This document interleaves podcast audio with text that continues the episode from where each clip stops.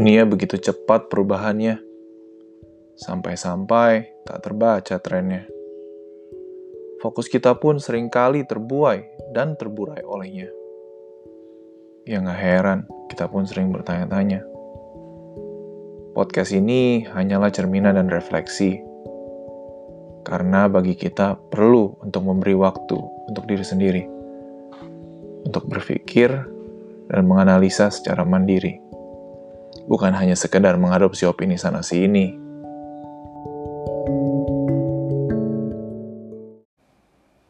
Oke, selamat datang di Orisinil. Um, sebelum kita mulai podcast, kita kita mau buat sedikit disclaimer ya tentang uh, ya podcast kita ini.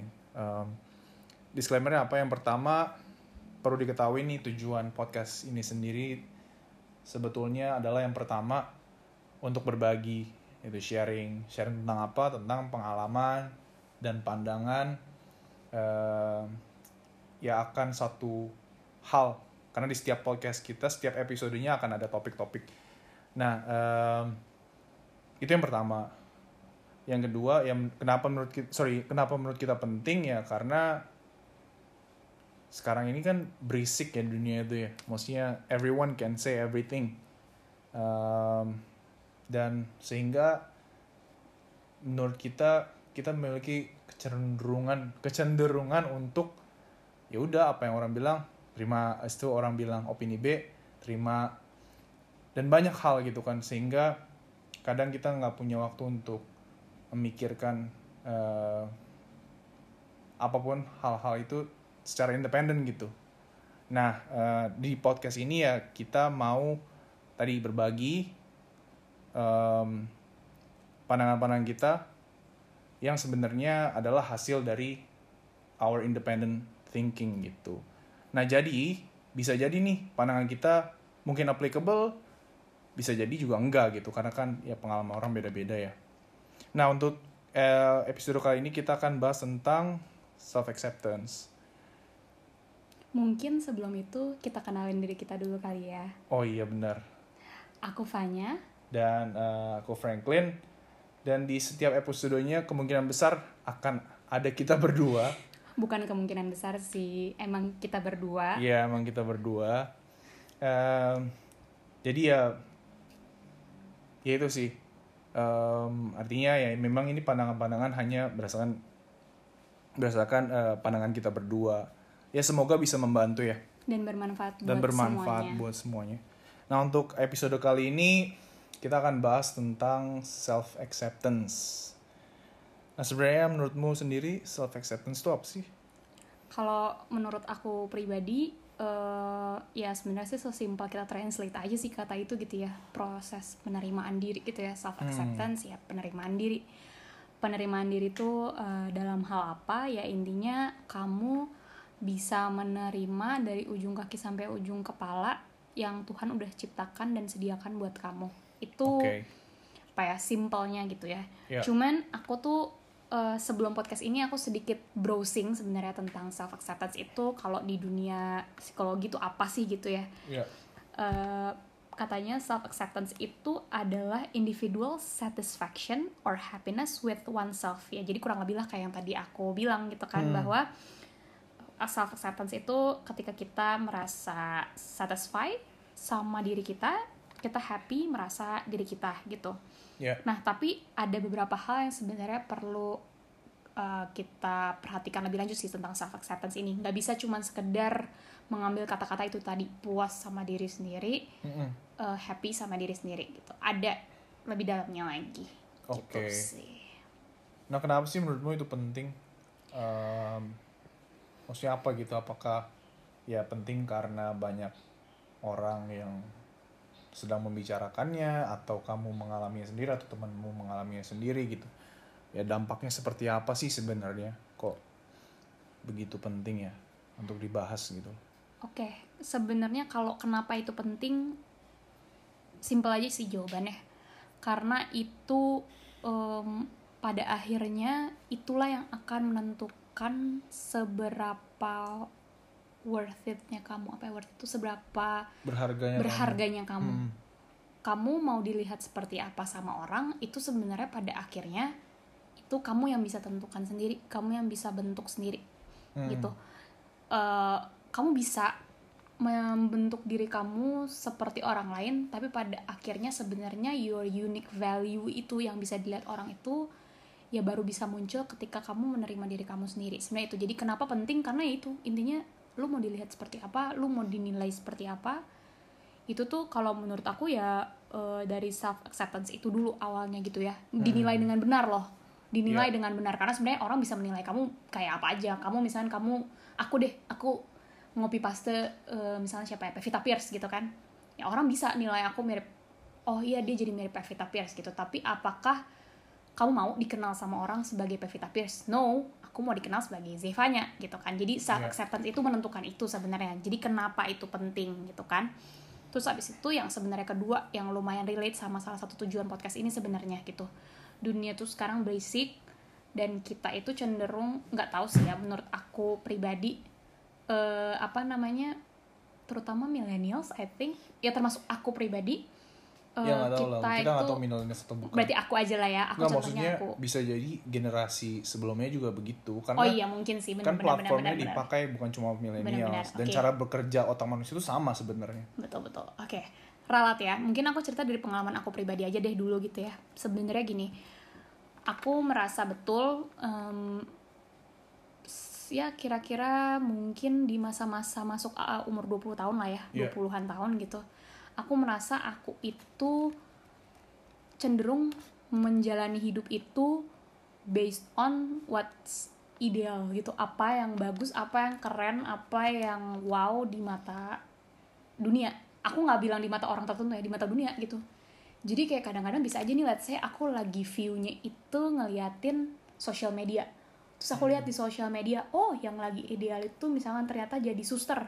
Iya. and then I just easily gitu shift tujuan hidup aku dari yang awalnya misalnya contoh eh, mau jadi akuntan jadi suster gitu simply karena dunia Ngeliat. bilang suster itu ideal Iya. gitu kan dan aku eh, ya akhirnya padahal aku merasa aku tidak diciptakan untuk itu aku tidak diberi kemampuan sama Tuhan untuk Iya. itu gitu strength aku bukan di situ tapi Hmm. I just do it anyway for the sake of orang bilang keren banget dah lo gitu kan Iya. selama bertahun-tahun ini gitu em, akhirnya apa yang aku rasakan gitu kan? Yang aku rasakan itu adalah aku seneng ketika orang ngomong lo keren tapi that's it. Di dalam badannya capek yang pasti karena kamu doing something yang sebenarnya sangat sangat sangat di Di luar batas kemampuan, kemampuan, kamu gitu ya. Jadi saat ketika kita itu kalau kita mau jadi akuntan itu aku kasih 100% kalau mau jadi suster aku tuh harus kasih 500% jadi kayak bener-bener harus terlalu kerja yang gimana ya di titik yang kayak Hmm.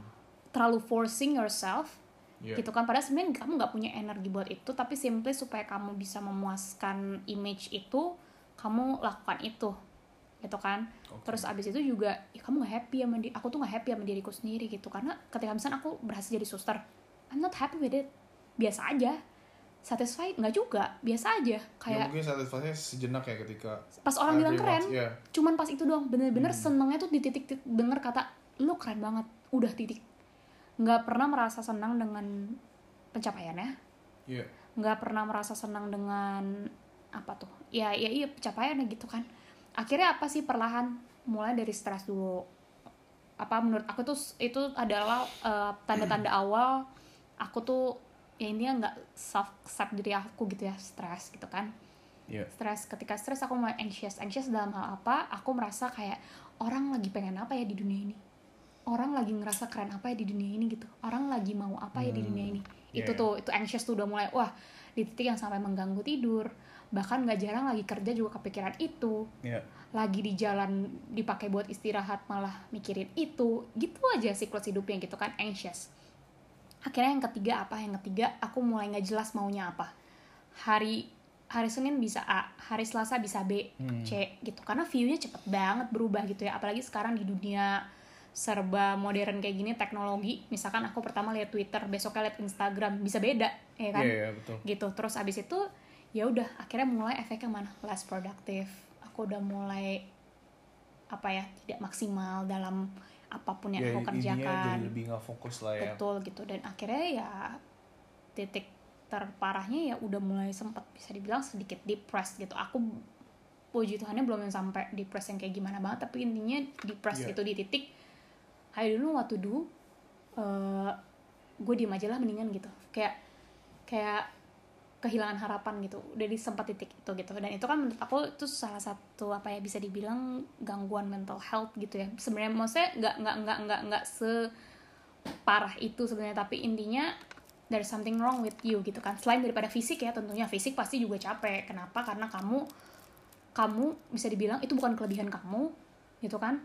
Tapi kamu akhirnya eh, mengerjakan itu gitu. Mengerjakan itu forcing yourself too hard gitu akhirnya. Nah that's why dari situ oh, aku merasa sih bahwa kayak ya sebenarnya sih kesalahan dari ini semua itu adalah awalnya tadi aku nggak self accept sama diri aku nggak aware tentang siapa Zevanya.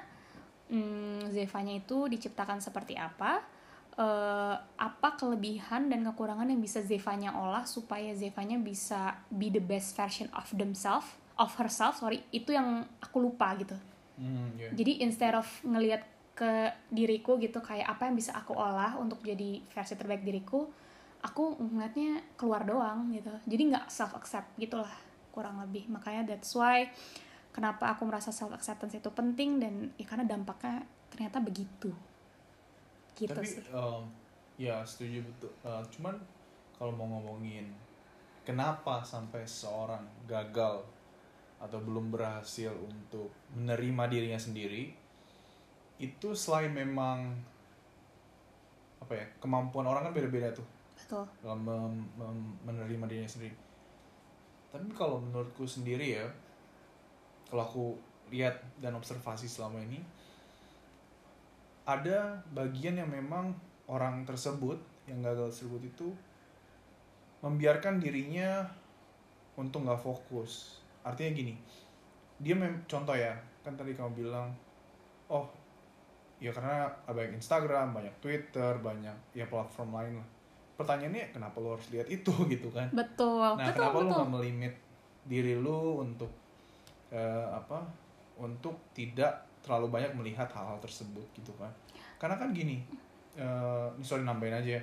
Ya istilahnya kayak kita naik mobil atau naik motor lah kiri kanan pasti kan ada pemandangan yang baik yang bagus baik yang enggak itu gampang kan kayak ngeliat yang bagus wah bagus nih akhirnya nggak fokus padahal udah jelas tujuannya mau ke mana gitu kan Iya. nah ya itu sering kali terjadi sih memang Betul, betul. Nah, sedikit sharing aja eh, siapa pun yang mendengarkan ini nantinya gitu ya. Salah satu akhirnya proses yang aku lakukan supaya perlahan. Aku belum di titik aku udah fully accept myself, tapi salah satu proses yang aku lakukan which itu sebenarnya saran dari Franklin juga itu tadi eh, apa ya kalau bahasanya tuh buk, eh, mena- mel- mengatur apa yang kamu mau lihat apa ya? Iya. ya kan? Bener ya?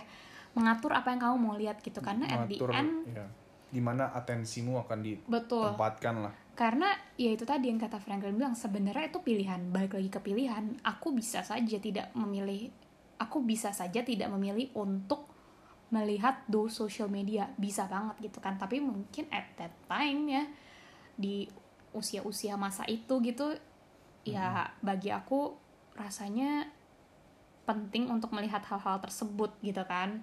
Aku bagiku saat itu gitu kan mungkin. Tapi setelah akhirnya aku mulai menyadari efek buruk dari aku tidak mengatur pandanganku Ya. sampai sebesar ini gitu kan. Emang dirimain sama Franklin saat itu yaitu akhirnya itu sih guys salah satu proses yang aku lakukan yang menurutku paling efektif so far dari beberapa proses yang mungkin nanti aku akan share apa aja gitu ya yang aku coba lakukan.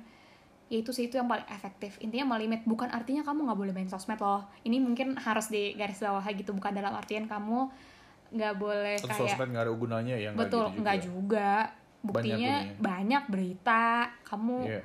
bisa, tahu berita bisa tahu pengetahuan bisa tahu sekedar kabar teman-teman kamu. Bisa share juga kalau ada temen yang susah. Betul. Ya banyak lah. Banyak manfaatnya gitu. Tapi lebih ke tadi mengatur sih. Itu mengatur eh yaitu cara pandang mengatur apa yang kamu lihat sorry. Mengatur apa yang kamu lihat itu adalah one of the key untuk akhirnya kamu lebih bisa fokus ke dalam ke diri sendiri. Ingat ya fokus bukan artinya kamu menjadi egois gitu kayak cuman pikirin diri sendiri tapi lebih ke mengenal diri mengenal diri sendiri gitu. Hmm. karena tidak ada distraction dari distraction yang terlalu banyak dari luar atau bahkan bukan cuma sekedar distraction gitu. Kalau aku aku rasa mungkin saat itu aku udah disetir kali ya bahasanya ya. Setir udah disetir sama, sama sosial media.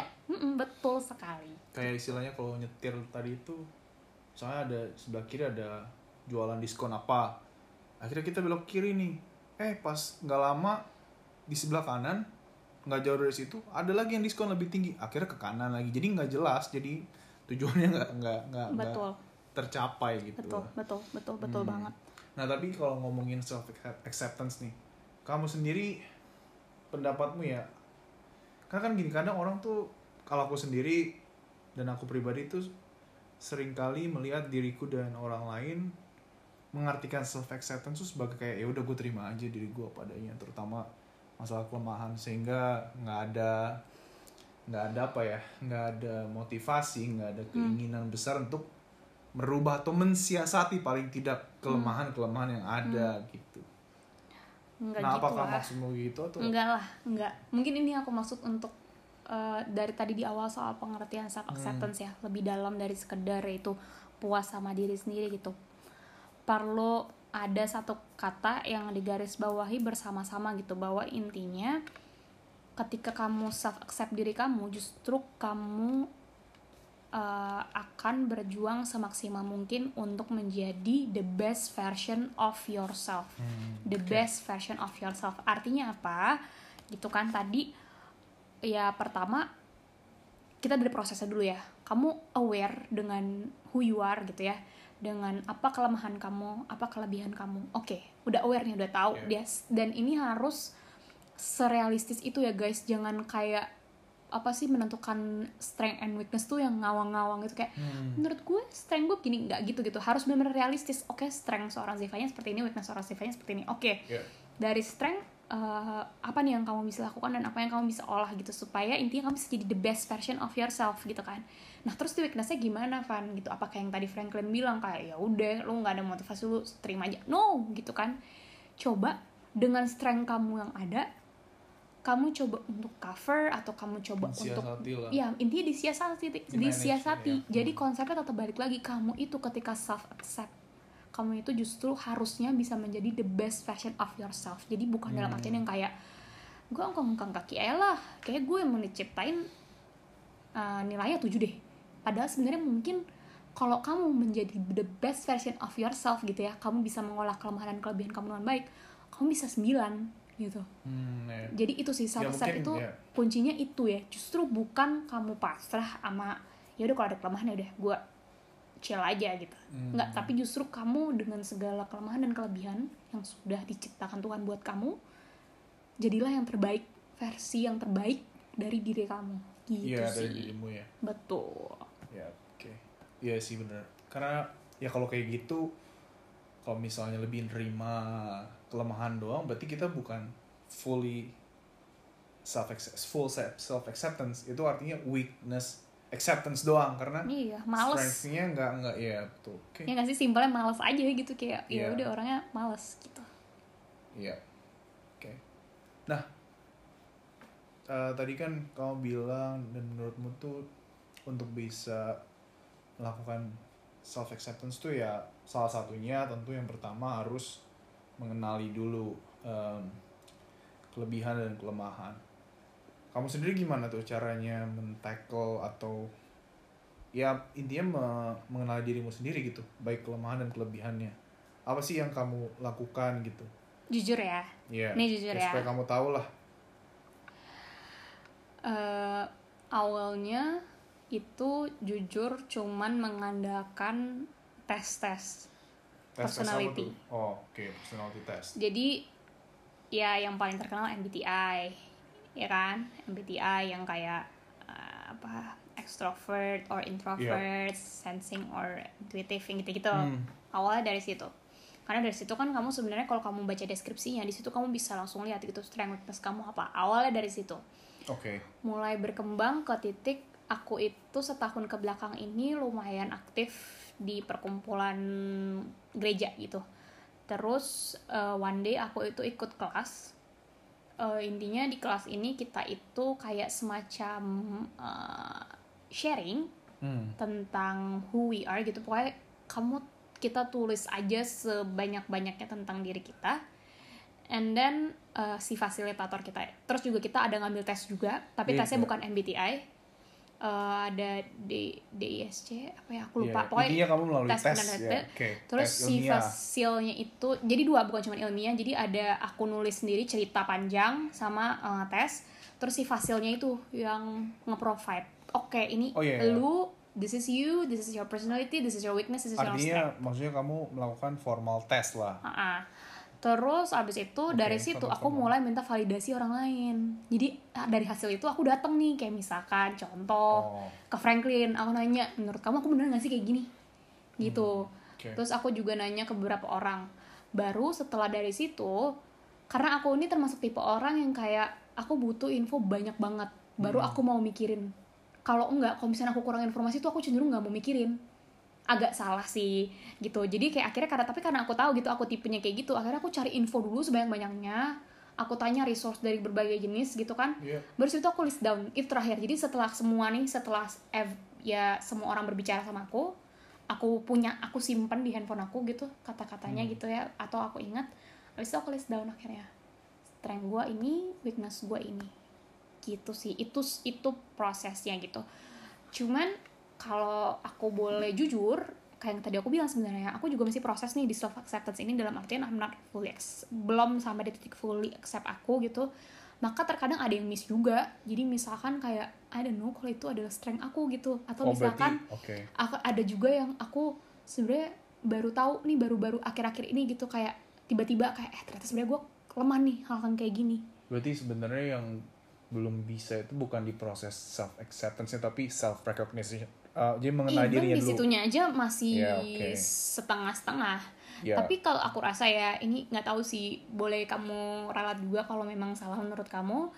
Yang namanya mengenali diri itu memang em, apa namanya butuh proses yang lama dan panjang sebenarnya Ya, gitu ya.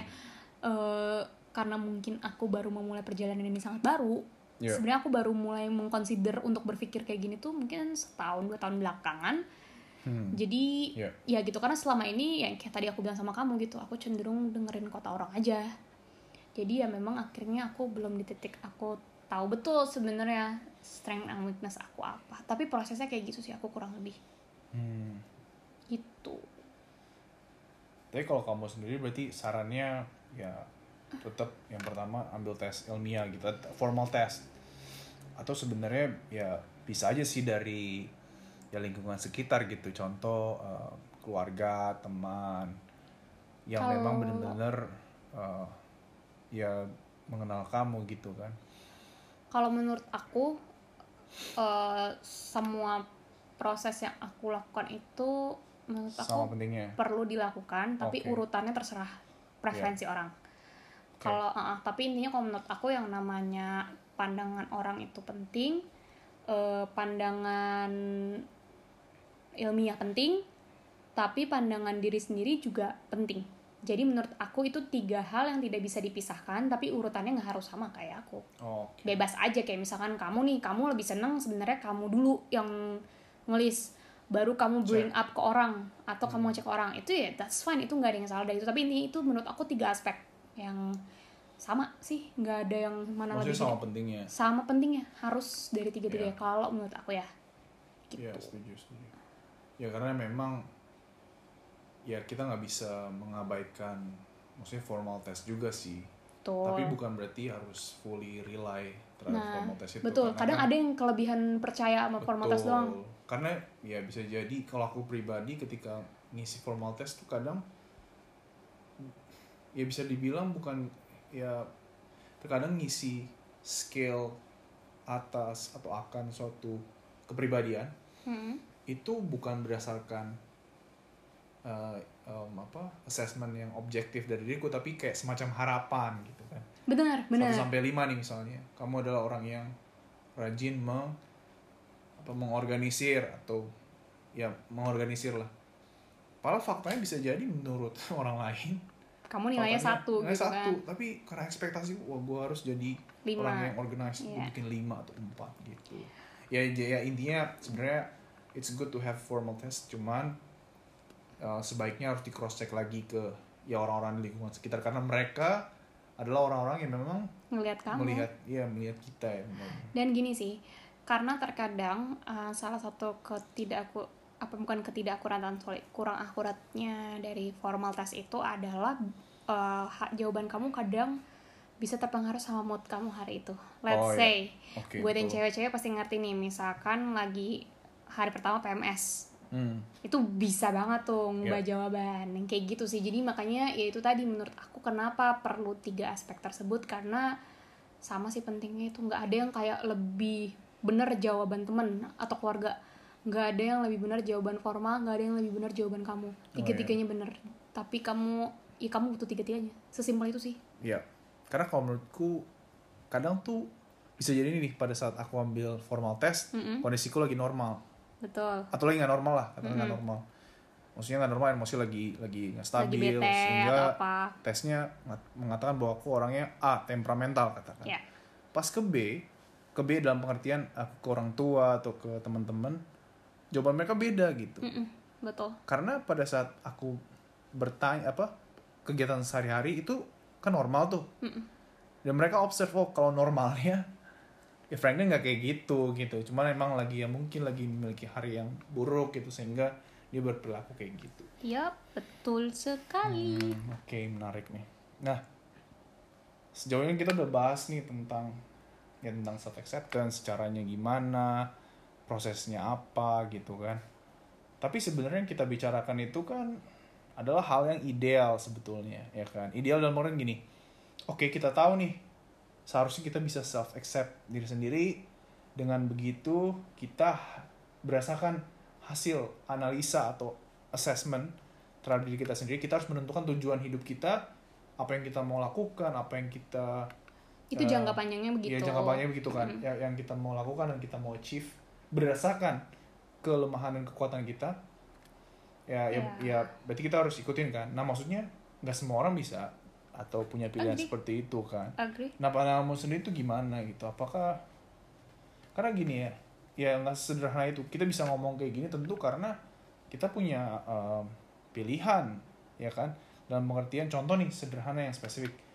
Eh, aku aku tuh em, misalnya kelemahannya adalah disorganized Hmm. oke?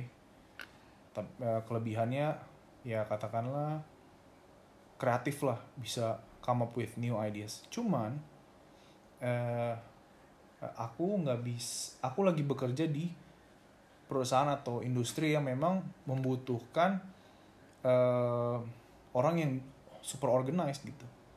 Em, tapi aku nggak qualified itu. Cuman sekarang pekerjaanku adalah itu gitu. Eh, sedangkan ya seperti yang aku bilang tadi ada mismatch antara kebutuhan pekerjaan sama kemampuan dan kelemahanku tapi aku nggak punya maksudnya nggak nggak nggak bisa main asal oh ya gue pindah kerja aja deh lagi lagi Agree. kayak gini nah itu Agree. kamu sendiri gimana tuh Oke, uh, Gimana ya? jujur aku pribadi sedang berproses untuk apa yang aku mau laksanakan apa yang akan aku bilang ini. Tapi Yep. intinya uh, sebenarnya yang kamu bilang itu betul karena that's what happened to me as well. Uh, tapi intinya gini sih, kalau misalnya kamu stuck in a job yang kamu tahu sebenarnya atau situation lah ya in a situation yang kamu uh, apa ya ngomongnya ya sebenarnya kamu nggak punya kapabilitas untuk melakukan atau Gini, kalau kapa, kalau capability itu kayak yang tadi aku bilang, kita bisa aja ngerjain sebenarnya. iya. Tapi tapi tapinya kan power yang kamu pakai jadi misalkan 1000% Yep. gitu kan. Ya kalau aku pribadi adalah intinya eh, kita itu dikasih waktu 24 jam 7 hari gitu kan.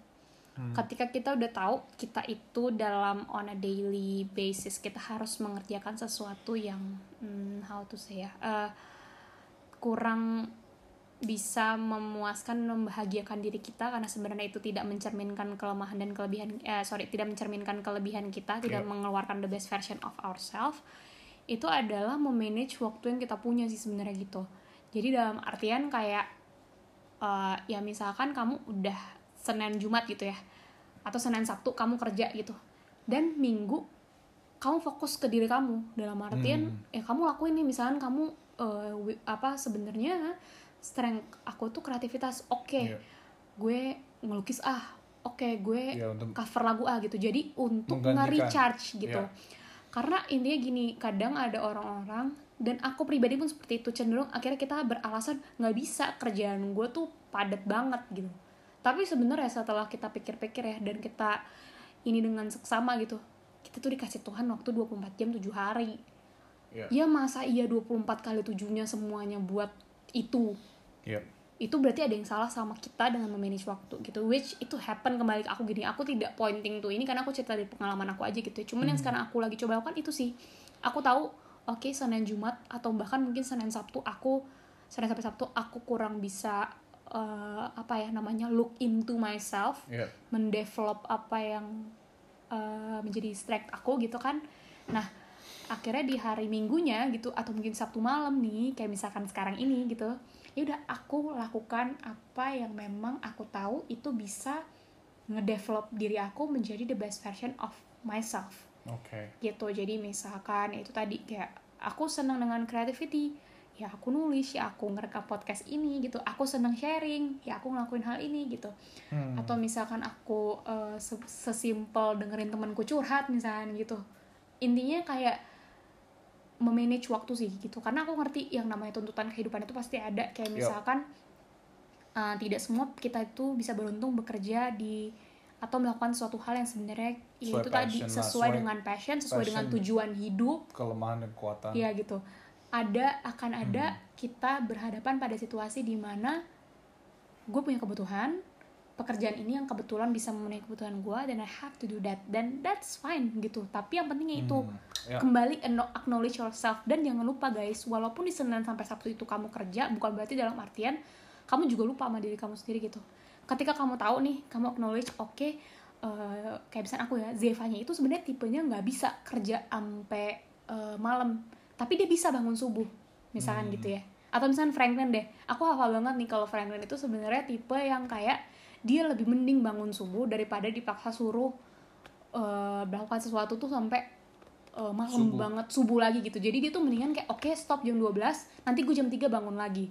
Nah itu kan yang bisa ngatur kita sebenarnya yang bisa acknowledge yang bisa tahu sebenarnya kelemahan dan kelebihan kita siapa? Kita yaitu kita yang atur gitu balik lagi sih. Jadi kayak ya memang betul kita kerja buat orang tapi tentu yang namanya pekerjaan itu bukan menyetir kita tapi bukan berarti kita semena-mena sama pekerjaan gitu jadi ya itu caranya adalah dengan memanage 24 kali 7 yang Tuhan sudah kasih buat kamu itu sih sebenarnya prosesnya tapi it takes time Eh, tidak akan semudah itu berhasil It's a hard work. It's a very hard work. Akan ada masa di mana kamu juga harus berkorban. Misalkan kayak oke deh mungkin di minggu ini lagi sehektik itu project gitu ya. Iya. Sehingga kamu itu bener-bener cuman punya waktu untuk tidur.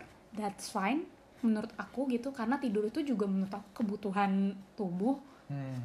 gitu kan jangan sampai juga kamu mengorbankan istirahat demi buat oke saatnya gue self development gak gitu juga gitu intinya balik lagi pertama dan utama adalah lihat ke dalam diri apa yang sedang dalam diri ini apa ya eh, butuhkan aware of yourself abis itu manage lah 24 kali 7 yang Tuhan udah kasih buat kamu intinya gitu sih Iya, oke. Jadi sebenarnya ya sebenarnya dengan kondisi itu pun nggak membatalkan atau seakan-akan menghiraukan pentingnya self acceptance Enggak. sendiri kan. Tetap itu penting penting terlepas dari kondisi kita Betul, apa pun. Baik betul. itu kita lagi ada di situasi atau pekerjaan yang sebenarnya nggak sesuai dengan betul kelemahan dan kelebihan kita, tetap justru self acceptance itu penting. Karena gini ketika apa ya syukur gitu kan kalau kamu bisa di Kerja. tempat atau bekerja atau di situasi yang memang ideal sesuai dengan